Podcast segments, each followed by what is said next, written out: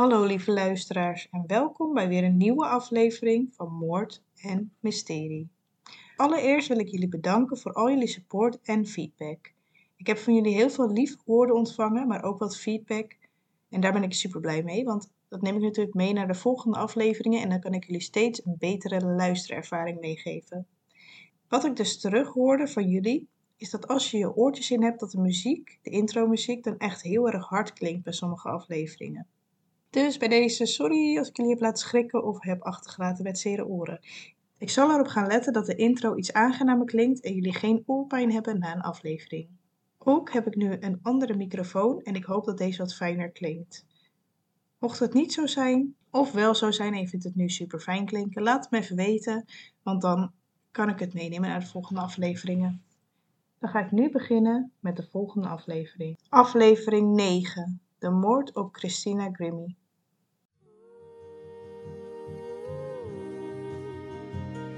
We wished on these stars,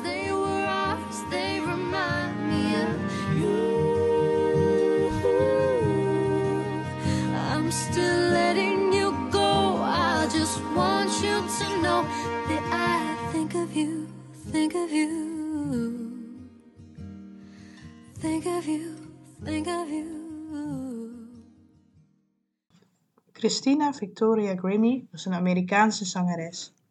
Zij begon op YouTube in 2009, op een 15-jarige leeftijd. Ze plaatste covers van populaire liedjes onder de username Zelda X Love 64. Ze was erg geliefd op YouTube en ze ging al heel snel naar 1 miljoen subscribers. Christina behaalde in 2011 de tweede plaats in My YouTube competitie en ze eindigde hier dus onder de welbekende Selena Gomez. Na deze competitie werd ze snel gespot door de moeder van Selena Gomez, Mandy TV. Mandy en haar man Brian, dat is overigens niet de vader van Selena, want daar is ze al van gescheiden, worden al snel de manager van Christina. Onder hun management mag ze optreden op het UNICEF Charity Concert en mag ze meedoen in een digi-concert van Selena Gomez en The Scene. Voor degenen die dit niet weten, myself included, ik wist het zelf ook niet, maar Selena Gomez heeft dus gezongen in een band, genaamd Selena Gomez and The Scene. Selena Gomez werd de mentor van Christina. Christina verscheen op de Billboard Social 50. Dit is een lijst die wordt bijgehouden met de meest bekende artiesten van dat moment. Dit wordt automatisch bijgehouden door data van social media en YouTube. Christina mocht als openingsact beginnen bij een van de concerten van Selena Gomez en The Scene. Ook bij een concert van All Star Weekend en de Jonas Brothers. Christina is meegeweest. Christina ging ook mee op tour met Selena Gomez en The Scene op de We Own the Night Tour. In 2011 brengt ze haar eerste eigen album uit, genaamd Find Me. Dit album kwam op nummer 35 op de Billboard 200 chart in Amerika. Op 10 oktober 2011 kwam ze bij de Ellen DeGeneres Show, samen met mede-YouTuber Tyler Ward. Ze deden samen een cover van How to Love van Lil Wayne.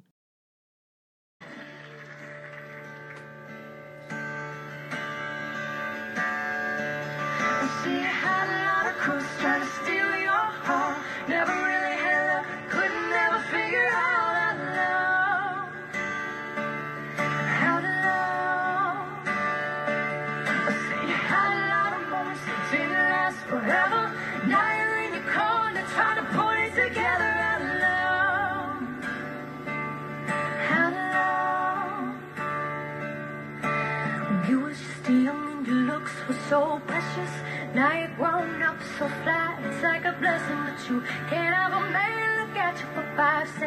without you being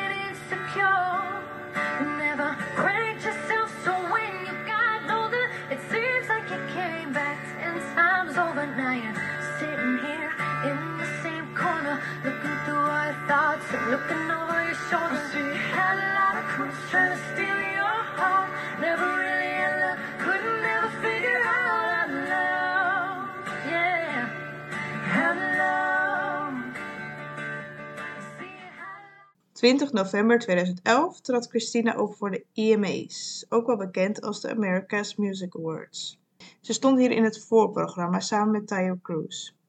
Tijdens deze EMA's won ze haar eerste award. Bij Disney heeft ze ook hierna in een webshow gespeeld. Dit was een show die je alleen op internet kon bekijken op Disney.com. De show heette Power Up with Christina Grimmie en speelde van 29 maart 2012 tot en met 5 juni 2012. In juni 2012 bracht ze ook een gestripte versie uit van het nummer Find Me. En deze kwam in juli op de voorpagina van iTunes terecht. En ik weet niet of jullie uit die tijd komen, maar in die tijd was dat echt een prestatie.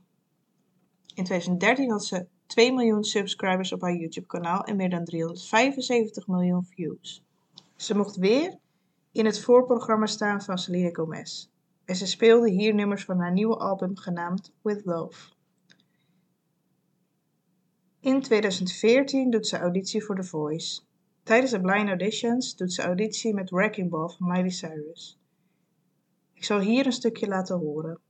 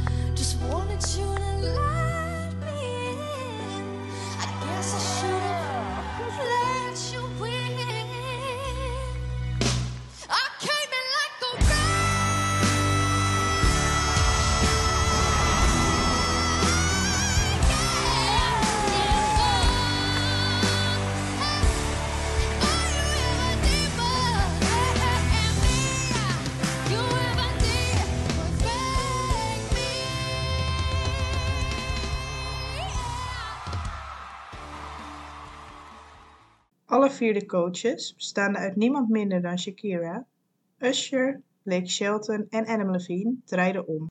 Ze koos voor Adam Levine als coach. Hij coachte haar tot de finale waar ze uiteindelijk als derde eindigde. Adam Levine wilde hierna haar een plek aanbieden in zijn platenlabel. En zelfs Lil Wayne biedt haar een plek aan in zijn platenlabel Young Money Entertainment. Ze kiest uiteindelijk voor beide niet, maar besluit zich aan te sluiten bij Island Records.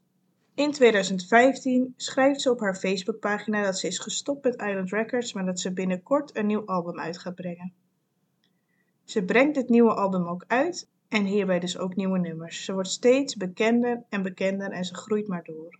In 2016 speelt ze zelfs in een film en ontvangt ze ook nog een Kids Choice Awards voor haar muziek. Op 10 juni 2016 geeft Christina samen met de band Before You Exit een concert in de Plaza Live in Florida. Voor het concert begint plaatst Christina een oproep op social media om mensen op te roepen om naar het concert te komen. Ze gaf het concert met al haar overgave en ze genoot er zichtbaar van om op het podium te staan.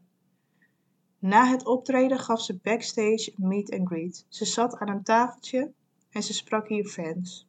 Ze gaf deze fans handtekeningen, maakte een praatje en ging met ze op de foto. Om 10 uur 24 kwam Kevin James Liable aanlopen. Christina herkende hem en opende haar armen om hem een knuffel te geven. Het moment dat hij vlak bij haar is en zij denkt dat hij haar een knuffel wil geven, schiet hij haar twee keer in haar borst en één keer in haar hoofd. De broer van Christina stond achter haar. Hij weet Kevin Liable te tackelen en te voorkomen dat hij andere mensen neerschiet. Kevin Liable weet ontkomen en schiet dan zichzelf dood. Christina lag op de grond en bloedde hevig. 911 werd gebeld en ze werd gereanimeerd. In kritische toestand werd ze naar het ziekenhuis gebracht, maar helaas overleed zij om 11 uur 's avonds. Kevin Liable scheen een hele tijd obsessief bezig te zijn met Christina Grimmie. Als hij het over haar had, benoemde hij steeds dat zij zijn soulmate was en dat ze voor elkaar waren gemaakt. Hij heeft een aantal dingen gedaan die hij zegt te hebben gedaan voor Christina, zoals een haartransplantatie, plastische chirurgie en hij schijnt veel afgevallen te zijn. De meeste mensen in zijn omgeving wisten van zijn obsessie, maar niet dat het zo erg was dat hij ernaar zou gaan handelen. Hij is vanuit zijn huis op de taxi gestapt naar Orlando met zijn wapen en een groot mes. Hij had twee extra magazijnen mee voor in zijn wapen. Tijdens het concert werd er niet goed gecontroleerd. Het enige waarop werd gecontroleerd bleek eten en drinken te zijn, maar blijkbaar niet of je een wapen meenam. Christina werd door veel celebrities herinnerd. Selena Gomez was natuurlijk heel close met Christina. Zij heeft een concert aan Christina gewijd. Tijdens dit concert zingt ze een nummer speciaal voor haar. Ik zal hier een stukje van laten luisteren.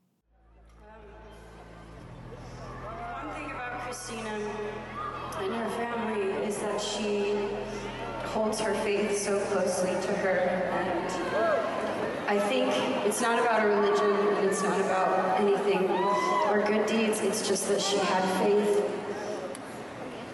And I don't really understand how this really happened.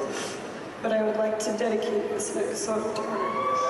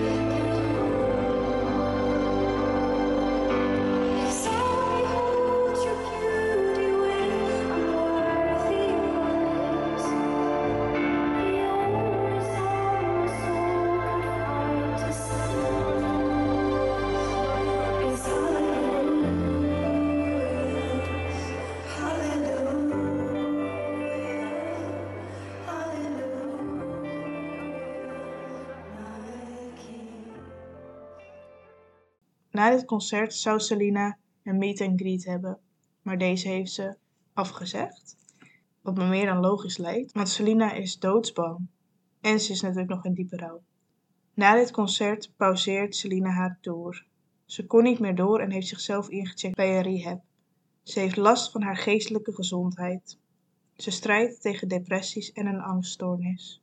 Deze angststoornis is natuurlijk aangewakkerd door wat er met Christina is gebeurd.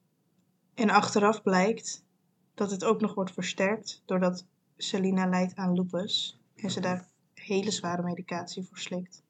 Justin Bieber, Sabrina Carpenter, Demi Lovato, Maroon 5, 21 Pilots, Charlie Puth en Rachel Platten zijn een aantal celebrities die allemaal een tribute spelen voor Christina tijdens een concert. De avond na de dood van Christina gebeurt er nog een vreselijke gebeurtenis in Orlando.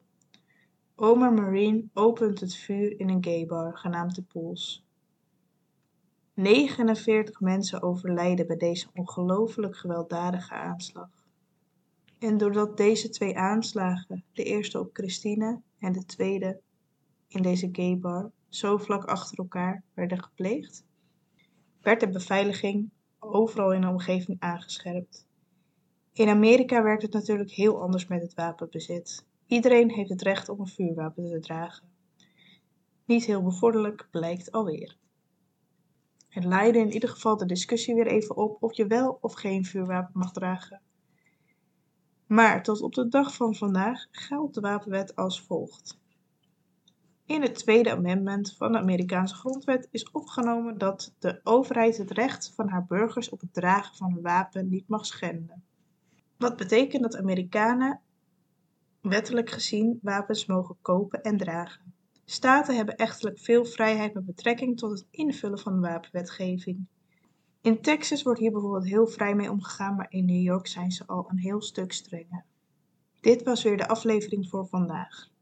Voor updates op eerdere zaken kun je me weer volgen op Instagram moord.n.mysterie.podcast. En je kunt me natuurlijk ook volgen op TikTok. En mocht je nog feedback hebben of iets tegen me willen zeggen, dan mag dat altijd via Instagram of via het contactformulier op de website www.moordenmysterie.nl. Tot de volgende aflevering, lieve luisteraars. Blijf veilig.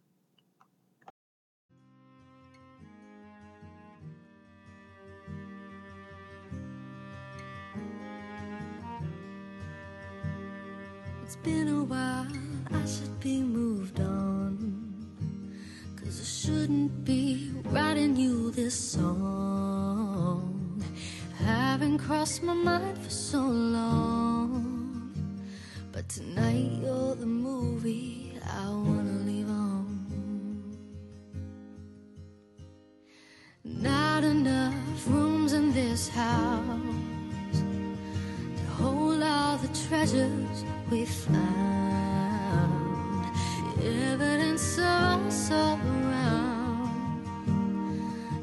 fingerprints all over who I am now.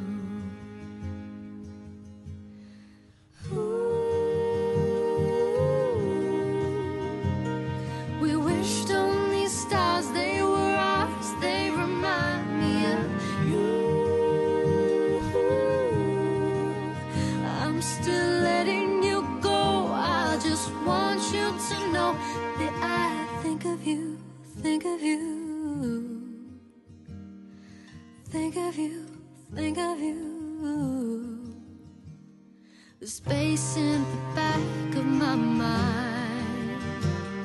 I meet you there to reminisce from time to time. You were